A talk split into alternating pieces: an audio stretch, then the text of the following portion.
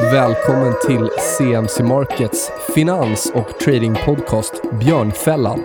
Vi som kör den här podden heter Nils Brobacke och Kristoffer Berggren. och vi arbetar båda som analytiker på CMC Markets. CMC Markets är nätmäklaren som riktar sig mot dig som är intresserad av aktiv handel. Vi erbjuder handel i CFDer på aktier, index, råvaror, räntepapper och valuta i fler än 10 000 produkter världen över. All handel sker via vår kostnadsfria och prisbelönta handelsplattform. Vi finns nu i 17 länder och är börsnoterade på London Stock Exchange.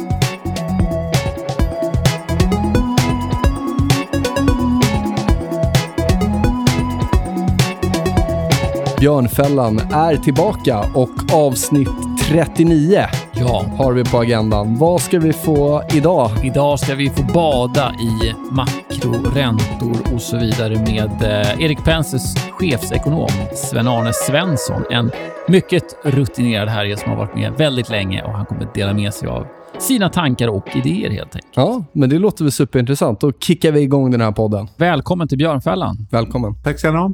Eh, innan vi går in på de här smaskiga och intressanta makrofrågorna så tänkte jag att vi bara kan dra en liten bakgrund. Var, var startade allt och vad har du sysslat med fram till idag så att säga? Eh, ja, det, det är väl egentligen... Eh, eh, jag började här så sånt egentligen, det är nästan snart 40 år sedan, alltså som jag började som forskare på Konjunkturinstitutet på, i slutet av 70-talet. På. Och eh, som jag var ett tag och sen hamnade jag på Finansdepartementet, Riksbanken, Finansdepartementet igen. Och eh, sen i början på 90-talet så kom jag till en firma som heter United Securities och sånt där på. Som sen blev uppköpt av HQ eh, och eh, eh, och därefter hamnade jag väl på Aragon ett tag, Skandiabanken och nu sedan tio år tillbaka på Erik Penser Bank. På. Har du, haft är det, har det varit det här med prognoser och det makroekonomiska som alltid har varit din uppgift eller har du haft olika, är det olika områden du har inriktat dig mot? Ja, alltså säga, i stort sett har det varit prognoser. Sen har det väl lite grann varit fokus på olika delar. Sånt. När, vi, när jag satt på Finansdepartementet och Konjunkturinstitutet, eh, då var det en annan avdelning som hade den utländska bevakningen och eh, så att eh, vi var mer inriktade på svenska så sånt. Det är givetvis utlandet betydde väldigt mycket på grund av eh, vårt stora så här, exportberoende på. Eh, Och idag på Erik Penser, vad är din primära uppgift där? Eh, vi säger att eh, vi gör två större prognoser per år och sånt va? Eh, I augusti och januari då som ligger till grund för mycket annat och så sånt överhuvudtaget som går vidare till eh, eh, andra avdelningar inom firman som sånt uttaget. Det är inte så att man kanske använder hela prognosen, man försöker bryta ut och sånt. Och, eh, sen är jag med ute och pratar, eh, träffar kunder och, och eh, följer upp det. Alltså sånt. Men vi försöker då välja två väldigt eh, eh, genomgående prognoser och sånt som i och för sig alltid kan börja justeras och sånt. Där. Kanske inte varit så mycket justering, men jag var med hösten eh, 2008 då man nästan fick justera det varje dag. Så sånt, va? Tyvärr, tyvärr åt fe, fe, fel håll hela tiden. på. Men du, kikar du, är det globalt och alltså, så att säga, för Sverige eller är det primärt Sverige du fokuserar på? Nej, vi säger att eh, eh, Eh, så att det, det, det är bägge delarna som sånt uttaget. Alltså på marknaden, om vi tittar på aktiemarknaden till exempel, då är egentligen vad som händer globalt mycket viktigare än vad eh, alltså statistik kommer från USA så reagerar man mycket mer på amerikanska arbetsmarknadsrapporten, eh, BNP och sådana saker man gör eh, i motsvarande grad på svensk statistik. Och sånt på. Sen kan vi säga att massmedia kan vara mer intresserade av vad vi gör på Sverige. Och sånt. De tycker väl att det, finns så många andra utomlands som eventuellt är bättre. Nu vet jag inte om de är bättre, men de kanske borde vara bättre. Så sånt, va? Som, som, eh, eftersom de har betydligt större avdelningar som anses åtminstone kunna pricka vissa saker bättre på.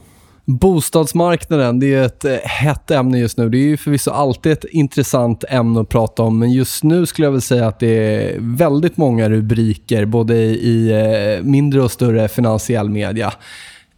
Vad är din syn där? Är vi i en bubbla som håller på att spricka? Är det en hälsosam konsolidering som sker just nu? Eller vad, vad är din take där på svenska bostadsmarknaden? Eh, det med bubbla är ju alltid definitionen vad en bubbla är egentligen. Som sånt. Att, eh, jag hörde en professor förra veckan som sa att eh, vi är absolut inte någon bubbla men han skulle inte bli förvånad om priserna sjönk 30 procent. sånt. Eh, alltså min, även om jag inte är helt säker på vad, vad eh, bubblan är i det här fallet så, sånt taget, så min definition är snarast om priserna stiger, sjunker 30 procent så, så, så, är det en bubbla som spricker. Va, på. Eh, och sen eh, vad jag själv anser det är väl att eh, Eh, jag tycker väl att priserna har stigit ohälsosamt mycket på att man kan se sedan Riksbanken började sänka räntan i december 2011 var det väl så sånt va? Så har konsumentpriserna totalt sett under då nästan sex år period ökat med mindre än 3% totalt sett. Va? Alltså det är 0,4 per år så sånt taget. Medan huspriserna har gått upp 70. Så visst så, på, visst så påverkar Eh, alltså Riksbankens räntesättning priserna men kanske inte de priser som, som avsätts och sånt utan, eh, utan det har ju varit att eh, huspriserna har stigit och har gjort att hushållens skulder stiger ungefär lika mycket som huspriserna görs och sånt. Va? Och det blir svårare för folk att komma in på bomarknaden, speciellt då yngre folk. Va? På. Och eh, jag skulle vilja tro att om man tittar, om man jämför så här, liknande scenarier och sånt uttaget, då ser väl inte alla exakt likadana utomlands, så brukar det bli en sättning efter det här. Så sånt, va? Mycket har ju sett vad som hände i Danmark 2006-2007 som också var väldigt, väldigt uppgång och sånt. Va? Sen sjönk väldigt kraftigt och när jag sitter och jämför olika länder, även om det eh, finns alltid lite olika sätt att mäta i olika länder så man kan inte helt sätta eh, likhetstecken med det här. Men så, så, tror jag ändå att eh, det vore hälsosamt med en prissättning bara det inte går allt för snabbt nedåt. Och sånt, för då skapar det kaos och man vet rubrikerna i tidningarna och det var det ju bara så att det var väl två veckor sedan de här eh, prismätningarna för, för ehm, eh, vilket blir det? Det blir september så sånt uttag kom. Då priserna gick ner 1,8 procent och sånt. Där det blev ju väldigt rubriken Nu har raset börjat och sådana saker. Va? Eh, jag, jag, tror inte, jag, jag, tror inte det blir något jätteras men eh, jag skulle hoppas att det blir en viss sättning va, på.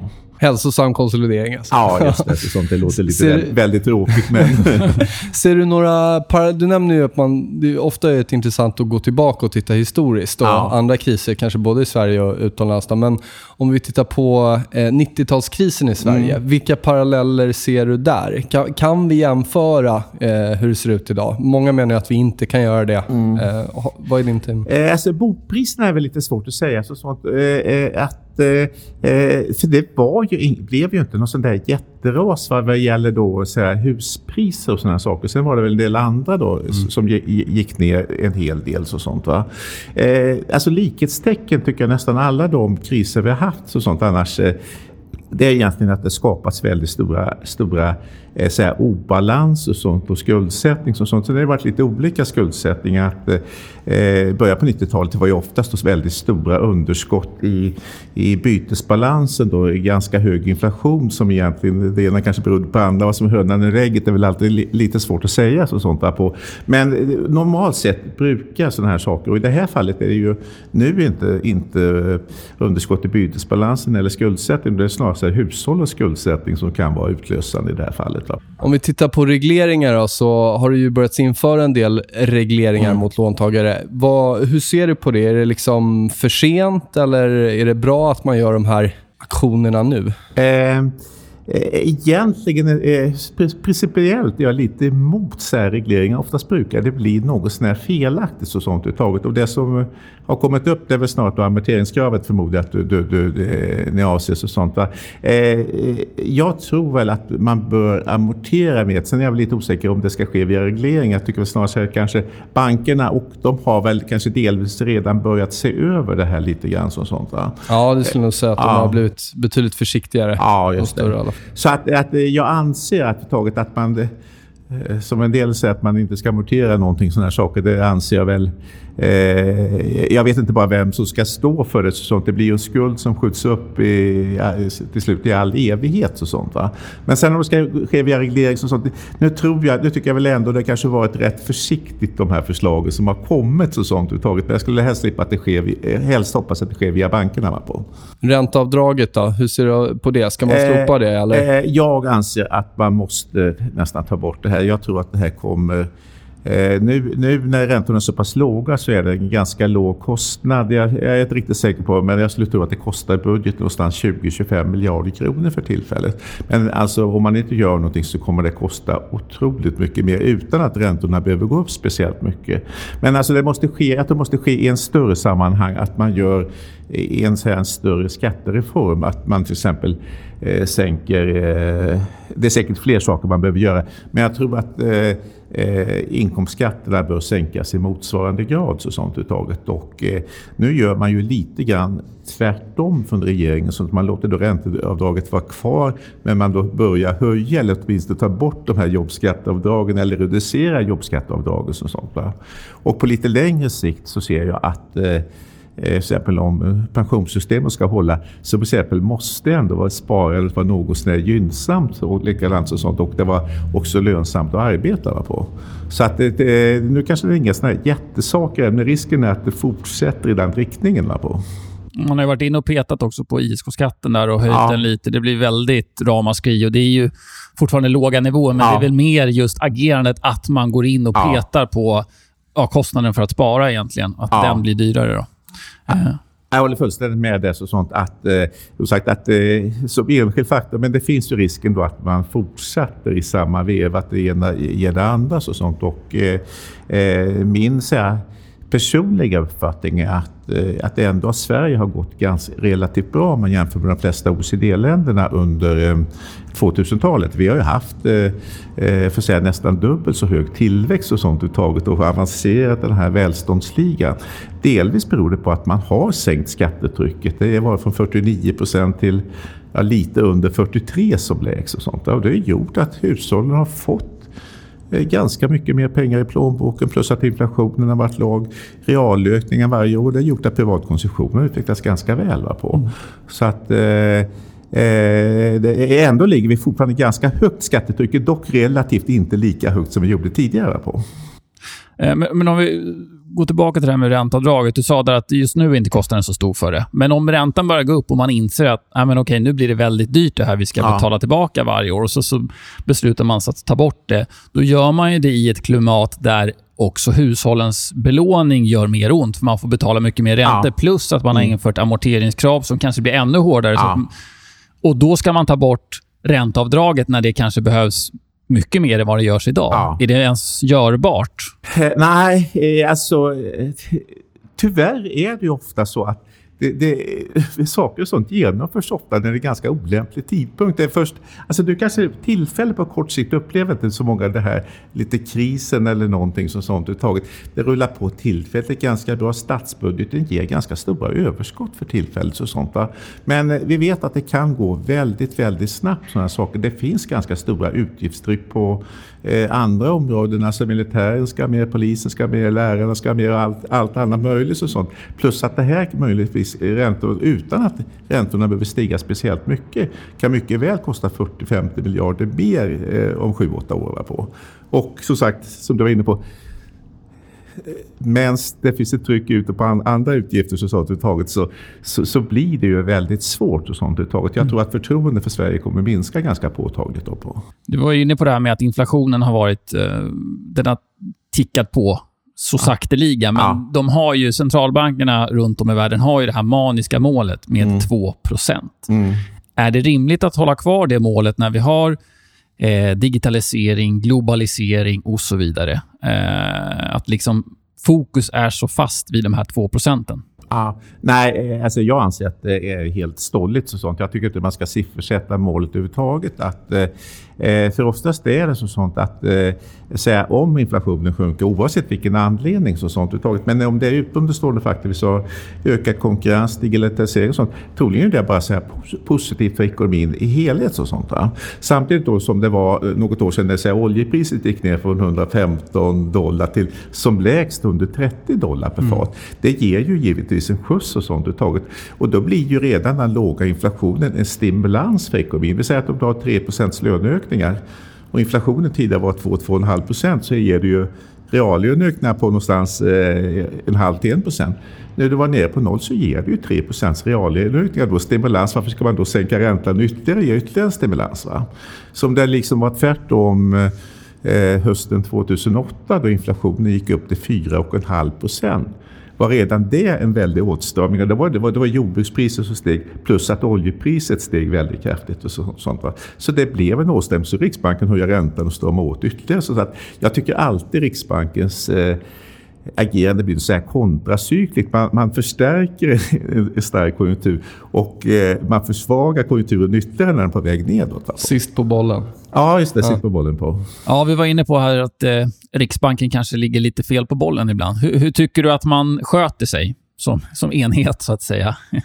Eh, alltså, eftersom jag är ganska kritisk till hur räntepolitiken har fungerat så, så ger jag väl inte något överbetyg precis till, till, eh, till Riksbanken. Så här, de senaste Eh, sju, åtta åren eh, eh, ty, tycker jag man, man har legat fel. Så sånt. Att, att man höjde det 2010-2011 kanske inte så där väldigt mycket att säga om. Det visade sig väl efteråt att det var något fel men det, det var väldigt, väldigt stark statistik så som du tagit. Alltså BNP var uppe i 7% i kvartalstakt här och Anders Borg pratar om att vi skulle jämföras med Indien och Kina nu och inte övriga OECD-länder. Men statistiken kom in starkt så att vi säger att det var fel, men jag tror de flesta andra gjort samma fel. Va, på. Men tycker du man har det agerandet som har varit de senaste åren då, där man bara skjuter räntehöjning framför sig, räntebanan flackas ut och flackas ja. ut och flackas ut. Är det ett Tycker du det är ett korrekt agerande givet ja, men hushållens skuldsättning och alla de här sakerna ja. på bostadsmarknaden? Och så?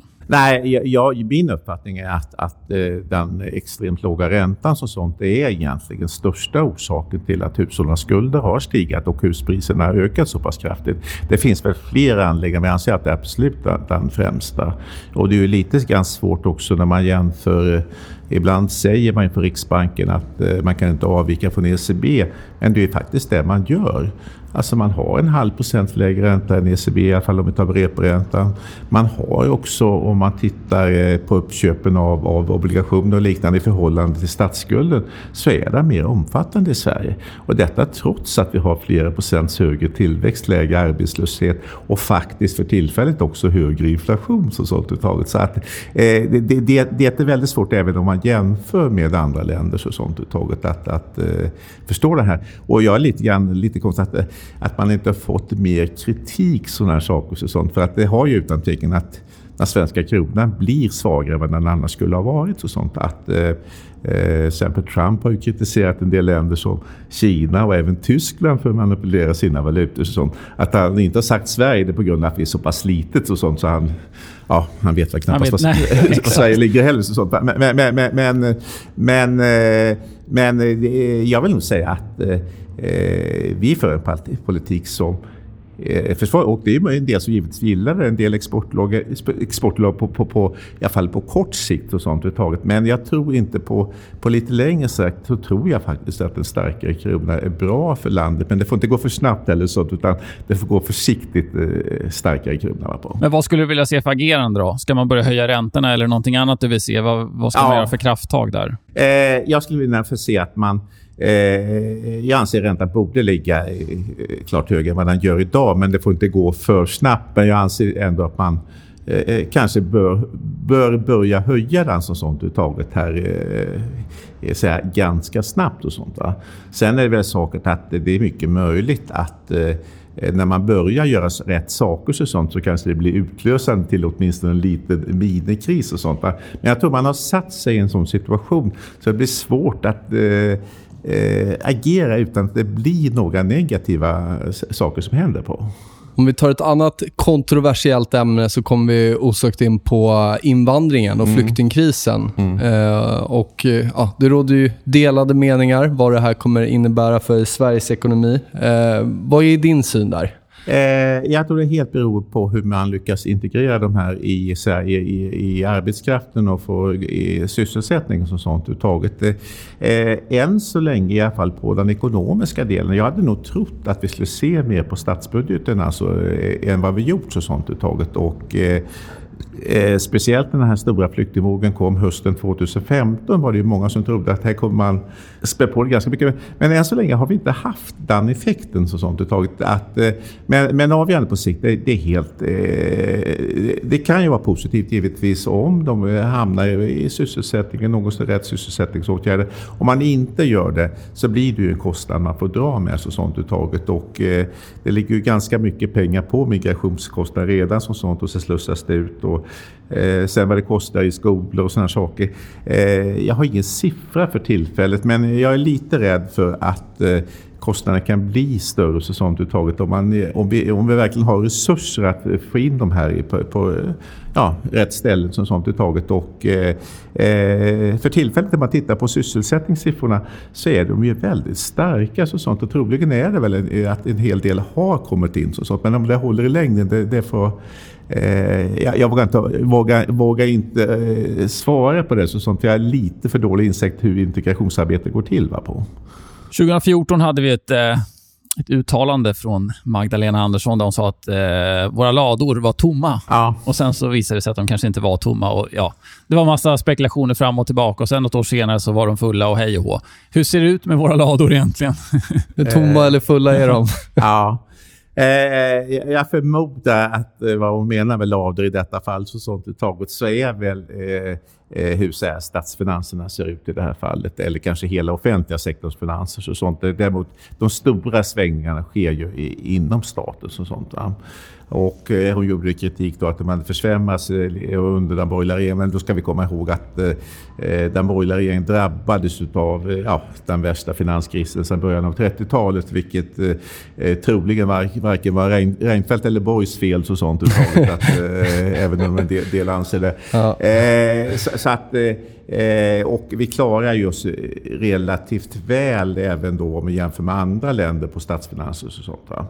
Eh, sen har vi hållit uppe det här nog när så sånt taget. Att, eh, men eh, min uppfattning är att eh, som kan gå väldigt, väldigt snabbt, det är både uppåt och nedåt, så är det alltså prognoser på, eh, på eh, offentliga finanser. Och det är inte bara i Sverige. Så sånt, va?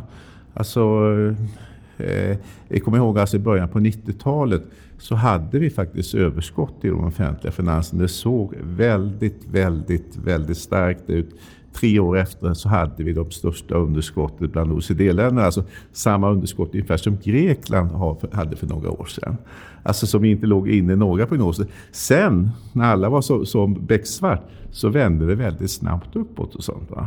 Vilket kanske inte enbart var Göran Perssons förtjänst, även om man själv kanske anser det. Men, men, men, men, och därefter har vi haft eh, Eh, Eh, ja, förhållandevis starka finanser och sånt. Va? Så jag vill säga att för kortsiktigt så ser det ganska, ganska bra ut, men det kan gå väldigt snabbt och sånt överhuvudtaget. Om man ligger både på ganska höga utgifter och ganska höga skattedelar så blir man ju mer känslig för svängningar och sånt. Va? Och eh, det är inte bara Sverige, alltså USA har också haft väldigt, väldigt stora skiften i här överhuvudtaget i offentliga finanser. På.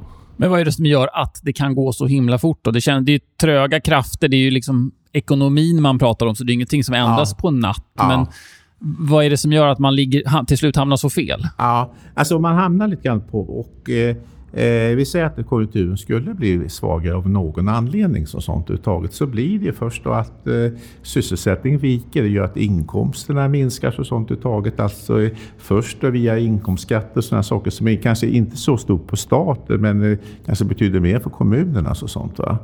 Eh, om det görs sånt så blir privat konsumtion och då momsintäkter och sådana saker. Och samtidigt ökar då utgifterna samtidigt på grund av arbetslösheten ökar så sånt taget socialbidrag och liknande som sticker iväg. Så, sånt, va? så att, eh, det är oftast det som blir att det ena ger det andra väldigt snabbt. Som är, varje post för sig själv är säkert hanterbar men det ena ger det andra i det här fallet. Va, på. Och det blir svårt att anpassa sig efter den försvagningen. Ja. Alltså man, man hinner inte. Nej, och eh, nej, taget att... Eh, Eller kan man ens Man, man kanske inte ens nej. ska göra det väldigt snabbt och sånt taget slå till. Men det är ju då väldigt bra att ha ett ganska bra utgångsläge så sånt taget. Alltså, och det gäller ju inte bara säga, offentliga finanser, det gäller även företag. Sånt. Att vi klarar krisen ganska bra 2008-2009. Så sånt. Det var ju att företagen var väldigt lönsamma 2007-2008. Så man hade inte det här tvånget på sig att dra ner sysselsättning väldigt mycket, så sånt som man säkert hade haft om man inte varit lönsamma på. Om vi kikar på men nu säger att vi får en rejäl sättning på bostadsmarknaden. Mm. Och kraven på banker har ju höjts ganska ordentligt sen mm. finanskrisen. Är vi, har du någon, någon åsikt där kring om, om banker och sådant, det finansiella systemet i Sverige är rustat för den typen av, av rörelse? Alltså, det är klart det beror givetvis på hur stor sättningen är överhuvudtaget. Det är klart att man kommer... Eh, om det skulle bli någonstans 40-50 procent ned så sånt, då är det ändå bara kanske tillbaka på nästan de nivåerna var för eh, 6-7 år sedan. Så, så, som då anses inte speciellt låg. Så sånt, va? Eh, Eh, Eh, men, men som sagt, att jag, jag, tror att det blir helt så här klart eh, så här, biverkningar och sånt överhuvudtaget. Alltså, jag sitter inte direkt med siffror exakt hur bankerna röstade. Det anses väl att, eh, att de ser relativt väl för tillfället och sånt. Men samtidigt är man ju då jag säger, beroende, i alla fall kortsiktigt, på en hel del utlandsupplåning och sådana saker så sånt som kan bli, bli, bli svårt i så fall. Va, på.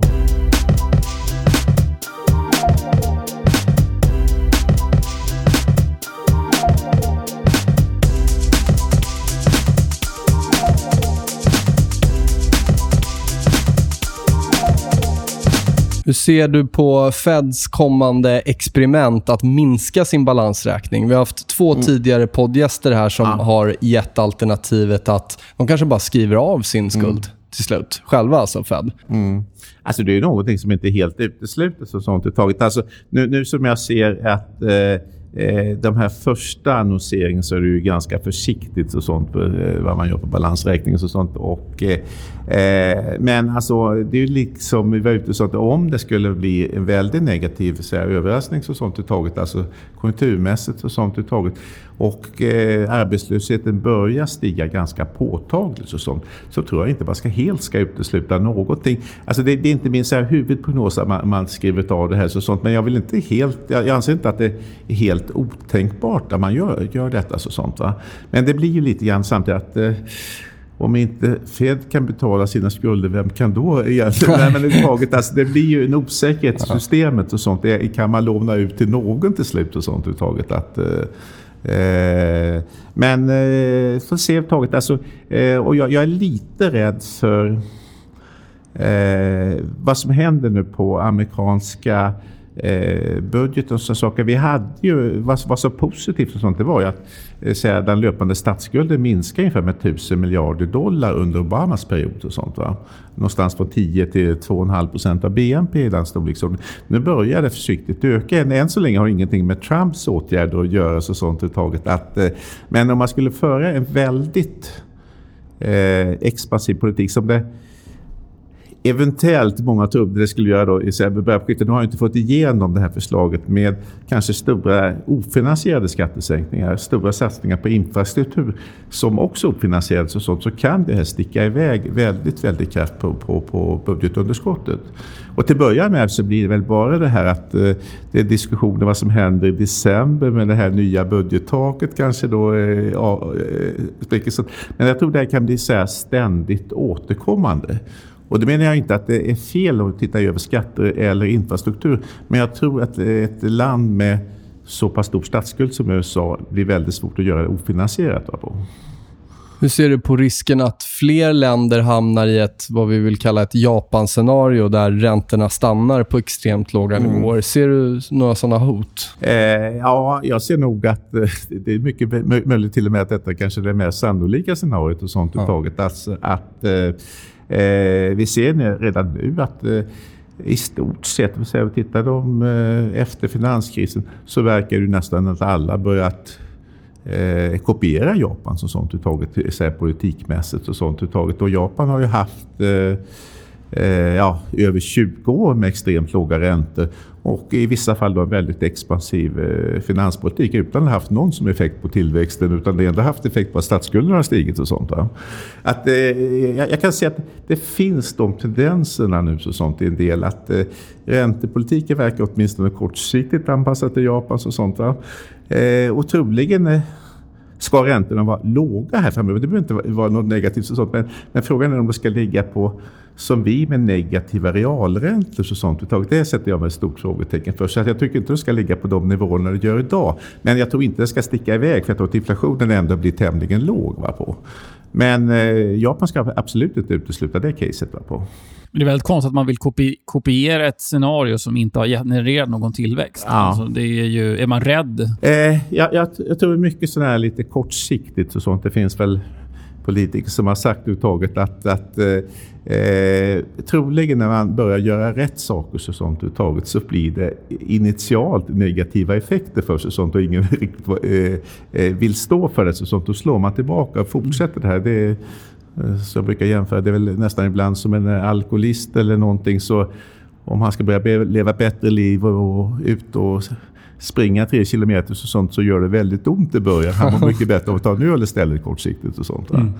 Så att, och det har vi sett överhuvudtaget att man tittar på hur börsen styrs överhuvudtaget. Det är många då analytiker som är mer intresserade av vad centralbankerna gör och sånt än vad, vad vinsterna i företagen är på. Mm. Men du blickar ut eh, i världen här. Hur mår världsekonomin som helhet? Eh, alltså tillväxtmässigt så är det väl hyggligt för tillfället. och sånt. Va? Vi har väl skattat tillväxten i år på 3,6-3,7 procent och det är ju det, är det högsta sedan 2011. Ungefär som eh, som genomsnittet under 2000-talet. Vi kommer ihåg att vi hade väldigt hög tillväxt eh, innan finanskraschen, ungefär 5 procents tillväxt. Men jag vill säga att det var snarast det är onaturligt och nu befinner vi oss i en tillväxt där eh, världsekonomin egentligen fördubblas var 20 år. Och sånt, va? Så att, eh, det, det, det, är väl lite grann synklariskt. Men det är lite grann tillståndet med att eh, vi har aldrig haft så, om vi undantar möjligtvis då krigsåren, som sånt, tagit så höga offentliga skulder. Om vi tittar på OECD-länderna är någonstans 105-110 procent av BNP. Eh, när det sprack i finanskrisen så var det 70 procent av BNP som då ansågs som väldigt högt. Men man kunde ändå stimulera det och sånt uttaget. Frågan är vilka möjligheter har man nu om det skulle överraska negativt? Liksom samma sak på räntesidan. Eh, finanskrisen så hade vi i OECD-länderna räntor på 4, 5, 5,5 procent. Och man kunde sänka det ner mot nollstrecket väldigt snabbt. Vad kan man göra nu om vi ligger på noll? Eller, USA har visserligen höjt lite grann men det är på en procent taget. Alltså, eh, jag tror ingen som sagt att man kan sänka, fortsätta sänkas och sånt. Men, men jag vet inte riktigt. Eh, redan det här minus en halv procent tror jag skapar oro och sånt. Vad det här kommer leda till i längden. Och sånt, va? Men när de plötsligt står minus tre eller minus fyra. Så sånt. Det, blir, alltså det blir så pass overkligt. Så sånt. Jag tror snarast att det skapar en väldig okänsla. Så sånt taget. Att, eh, så att det, det tycker jag är det Eh, nackdelen alltså utgångsläget, nivån på räntor och nivån på statsskulden. Alltså sånt på. Mm. Men gör det att eh, ekonomin, alltså som helhet, världsekonomin, är känsligare nu egentligen än vad det var innan finanskrisen briserade? Eh, ja, alltså, så som jag kan se det så att det är mycket möjligt att jag missar någonting på bostadslån och sådana här saker så sånt uttaget som, eh, eh, som kanske var då det här eh, eh, eh, eh, eh lån bland vad gällde USA så som mm. kanske värre. Men om vi tittar på eh, jag ser på de stora makroekonomiska variablerna som statsskuld och räntenivå så är vi betydligt känsligare då. Då hade man ändå lite utrymme och sånt och både stimulera via penning och finanspolitik på. Mm. Är det någon ekonomi där ute som sticker ut extra positivt? då? Äh, så enskilt land är kanske svårt att peka på. Det finns säkert så sånt. Eh, lite på längden är jag väl kanske mest positiv till eh, säga, Asien och sånt ett tag. I viss mån för att man givetvis kommer på en lägre nivå. Man har väldigt stora marknader och sånt. Man har inte satt sig riktigt i de här statsfinansiella problemen ändå, även om det är väldigt osäkert eh, statistik från Kina och sådana saker så sånt taget att eh, eh, det är väl ingen 100 procent säkert eh, exakt hur stora de totala skulderna är. Så sånt, va? Eh, det tycker jag ser lite eh, ja, eh, bättre ut än övriga världen. Som sånt, va? Sen kan jag inte uttala mig om det finns e-, ett och annat afrikanskt land eller eh, något i Sydamerika som också kan, kan uppfattas så, så, som, som relativt positivt. Och sånt, va? Tyskland kan väl också ses och sånt som eh, som jag tycker inte riktigt har satt sig så i samma problem som övriga EMU-länder på. Om vi hoppar över på eh, börsen då. Ja. Eh, om vi kollar på USA, S&P 500 så gör den ju nya högsta noteringar mm. i princip varje dag. Vi har OMX som har kommit upp ordentligt och även tyska börsen som handlas mm. på relativt höga nivåer. Vad, hur ser du på börsen där? Något eh, positivt eller något negativt som, som liksom du har att, har att nämna där? Eh, ja, själv gör jag inga börsprognoser. Vi har en, egen, en annan avdelning på Expensive Absolut. Som, som, som, gör den här. Så sånt? Eh, om jag bara kan konstatera själv så tycker jag väl från att eh, Eh, merparten av, vi tar den rätt stora börsuppgång som ändå har varit sen eh, eh, första kvartalet 2009 så sånt är taget. Alltså, jag tror USA var väl upp 170-175 procent under den här perioden. Så, sånt. så beror det givetvis på tillgången på billigt kapital. Så sånt, va? Även om så här, vinsterna har ju så här, varit ganska bra också. Men, men överhuvudtaget med väldigt låga räntor så sånt. Man har köpt upp de här eh, statspapperna så sånt. Så blir det ju kapital som måste placeras någonstans. Eh, förhoppningsvis skulle det gå till investeringar en del. Har ju gått till investeringar men mycket har ju hamnat på så finansiella poster. Vi har sett att eh, först att huspriserna slutade falla, då började stiga sen bottennivån. Eh, aktier och sånt. Men även så här långa räntor hade ju absolut inte varit på den här nivån så sånt, eh, utan den stimulansen. Och sånt, där. Vi kan säga med de statsskulderna så, så ska ju inte en eh, lång ränta vara 2,5-3 procent utan snarare 7-8 procent och sånt uttaget. Att, eh, så att eh, Eh, om jag enbart har makroekonomiska variabler, sen får någon annan uttala sig om vinster och sådana här saker, så tycker jag väl att börserna åtminstone är ganska högt värderade på. Jag kommer ihåg att jag lyssnade på ett föredrag som du höll uppe på Erik Penser 2010. Och Då var du ju väldigt eh, positiv i alla fall, får man säga, till den amerikanska ekonomin och börsen. Och mm. Det blev ju, blev ju hyfsat rätt där. Är det, liksom, är det några stora eh, förändringar som du skulle säga mot idag som du vill nämna där? Eh, vi kan säga att 2010, även om jag inte kommer ihåg exakt vad jag sa, så sånt, det var kul att de tyckte att det var något som är rätt. Ja. Eh, eh, så eh, vi kan säga att då var man kanske ganska början på den uppgången som sånt taget och säga, Eh, Eh, stimulansen hade väl då framförallt att räntorna sänktes egentligen då från eh, ja, kanske 5 procentenheter eller i motsvarande grad. Och man var först ute med de här QE-programmen. Så sånt. Det var man ju före i Europa. Så sånt uttaget, som eh, jag i längden kanske är lite skeptisk till. Men jag tycker då det var ganska riktigt och att det skulle få en positiv effekt. Det var jag ganska övertygad om. Sen, sen hade jag inte heller trott att börserna skulle vara på de nivåer det är idag. Så det har absolut inte trott. Så sånt. Men jag trodde ändå att det skulle gå åt det, eh, riktningen var uppåt. Och sånt, på. Eh, förutsatt att inte konjunkturen helt packade ihop så sånt överhuvudtaget. Eh, eh det gjorde den ju delvis i Europa och sånt, men vi ska komma ihåg att eh, eh, USA i sig själv har ju inte riktigt så väldigt stor handel med Europa som en del tror. Så sånt. Så Kanada är ju en större handelspartner än hela EMU totalt sett och sånt. Har tagit att, eh, eh, och jag tror Kina också är där. Så sånt. Så de, de länderna kan betyda ganska mycket. Så USA kan klara sig ganska hyggligt ändå. Va, på. Du har ju en uh, kärlek till makroekonomin, så att säga. Om vi tittar på makroekonomiska indikatorer, hårda ja. som mjuka. Ja. Har du några eh, darlings där bland dem? eh, inte så där så att jag sitter och tror att något är... Eh, eh, jag vet att många tittar på de här inköpsindexen mm. som, sånt som eh, har varit ganska populära så sånt taget och eh, kortsiktigt har givetvis har effekt på börsen. Men jag tycker inte att de är någon speciellt bra indikator på eh, reala ekonomin, Om vi säger BNP-tillväxt eller industriproduktion och liknande. Och sånt, va? Jag tycker det finns flera gånger det har avvikit ganska påtagligt. Eh, och det är mycket på grund av att det är väldigt, väldigt litet underlag i de här delarna. Sånt. Det är ett par hundra företag. Och jag tycker också man kan diskutera frågorna som ingår. Ordergång och produktion är väl ganska klart, men frågor leveranstider, är det rätt egentligen för att belysa eh, ja, eh, aktiviteten i ekonomin totalt sett och sånt I alla fall, eh, det kan ha det under viss, viss, vissa tillfällen, men jag, jag är väl lite skeptisk och sånt. Va? Eh, tidigare, som jag själv har jobbat på Konjunkturinstitutet, så använder jag ganska mycket konjunkturarbeten. Alltså det är liknande frågor som inköpsindex, men med mycket, mycket mer företag. Och sånt, eh, jag tycker dock att det har blivit sämre och mycket möjligtvis eh, problem med säsongrensningsmetoder och liknande. Och sånt, va? Så att om jag ska ha något utan att säga att jag använder något eh, sådär jätte... Jag tyckte tyska IFO-index är också, eh, jag tror det är 7000 företag så det är betydligt mer. Tidigare var det ganska hyggligt men jag tycker inte det stämmer det visar på en väldigt, väldigt stark tysk ekonomi. Betydligt mer än vad de här 2-2,5 procents tillväxten som är i tysk ekonomi. Men, men, eh, men det kanske är sammansättning av fel och sådana saker. Det, det jag tycker kanske är minst dåligt det är även om den är väldigt, väldigt tråkig, det är de här OCDs ledande indikatorer som inte rör sig någonting eh, utan ligger, ligger i stort sett stilla.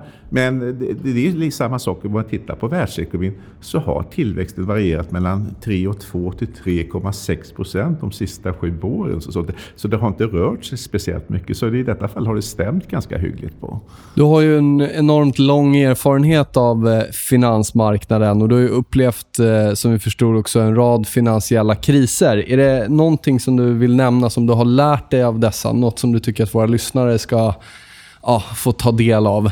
Ja, det är väl tveksamt om man lär sig någonting som sånt utav. Jag brukar säga att det enda saken där man inte lär sig någonting utav. Ja. Visst det. Eh, förhoppningsvis finns det väl något som sånt uttaget. Och, eh, eh, jag har väl varit med om tre större kriser. Den, den eh, 89 och början på 90-talet och så sånt eh, millenniumskiftet och IT-kraschen och sen då eh, 07, 08 och början på 09 så sånt överhuvudtaget. Och eh, alla gånger har det varit på något sätt obalanser i ekonomin som har skapat det. Men oftast har den här positiva utvecklingen eh, pågått längre, åtminstone vad jag trott och sånt. Att Eh, jag trodde ju absolut inte att börsen i Sverige skulle gå upp 66 procent 1999, så sånt, vilket den gjorde. Så sånt, utav, utav, eh, ja, det var många som inte... och sen fortsätter den ju upp. Och då börjar man diskutera, har det hänt något nytt i ekonomin som sånt uttaget? Och, eh, och det var ju de här IT-företagen som kanske gick bra, men kanske Eh, inte lönsamhetsmässigt så gjorde vi ingenting, men, men man började titta på helt andra variabler. Och sånt där.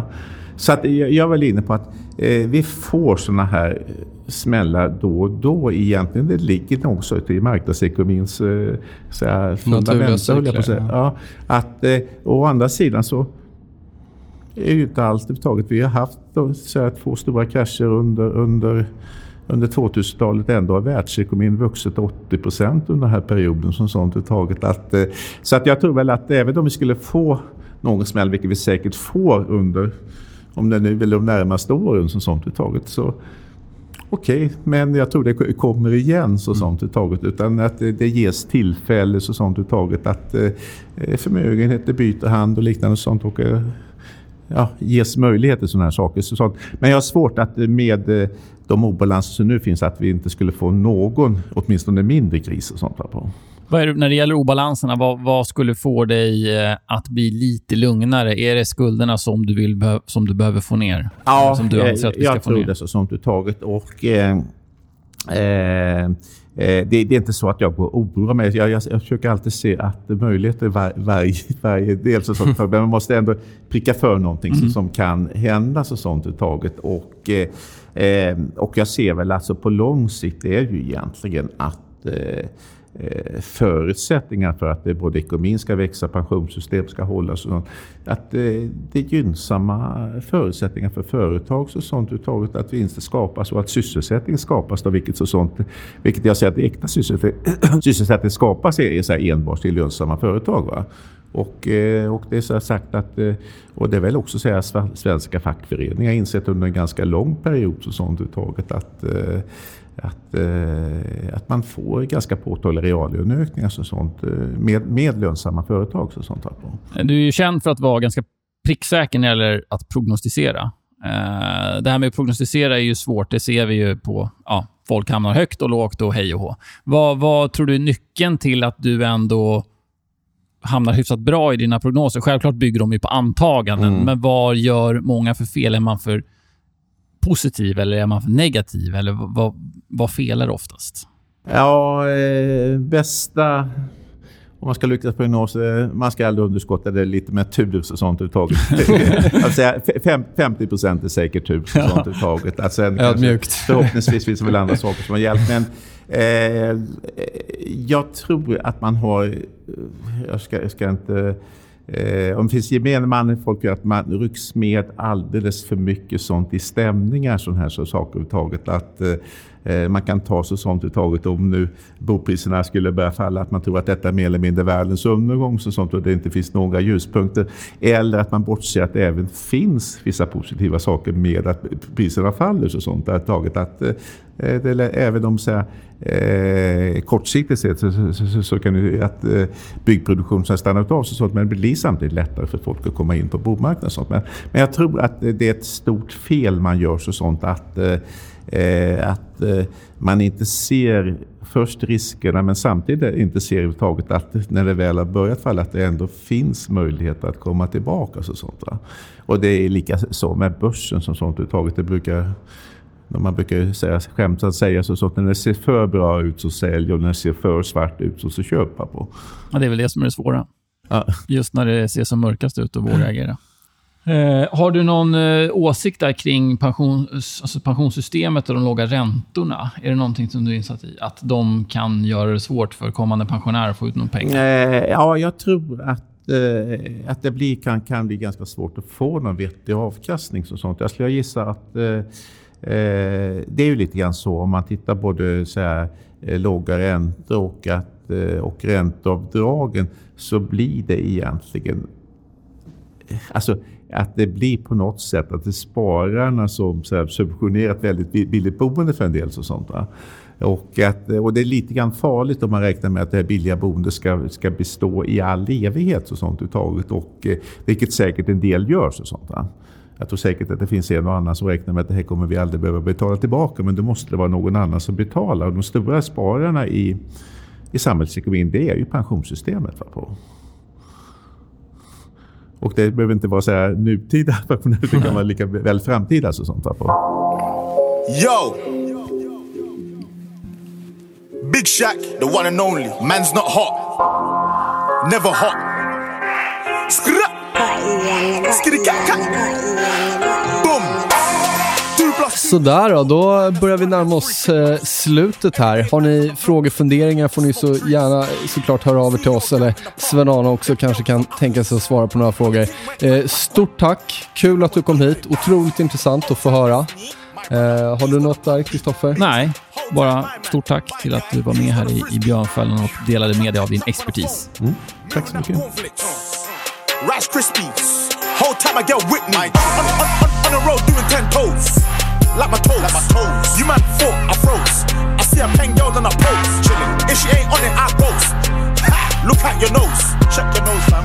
You donut. Nose long like garden hose. I tell a man's not hot. I tell a man's not hot. The girl told me, take off your jacket. I said, babe, man's not hot, never hot. I tell a man's not hot, never hot. I tell a man's not hot, never hot. The girl told me, take off your jacket. I said, babe, man's not hot, never hot. Hop out the four door with the 440 was one, two, three, and four. Us man. Chilling in the corridor. Yo, your dad is 44. Uh. And he's still call a man for a draw. Look at him, look at him. Let him know. When I see him, I'm gonna spin his jaw. Finish. Take man's twix by force. Take it. Send man shot by force. Send it. Your girl knows I've got the sauce. Flexing. No ketchup. Night. Just sauce.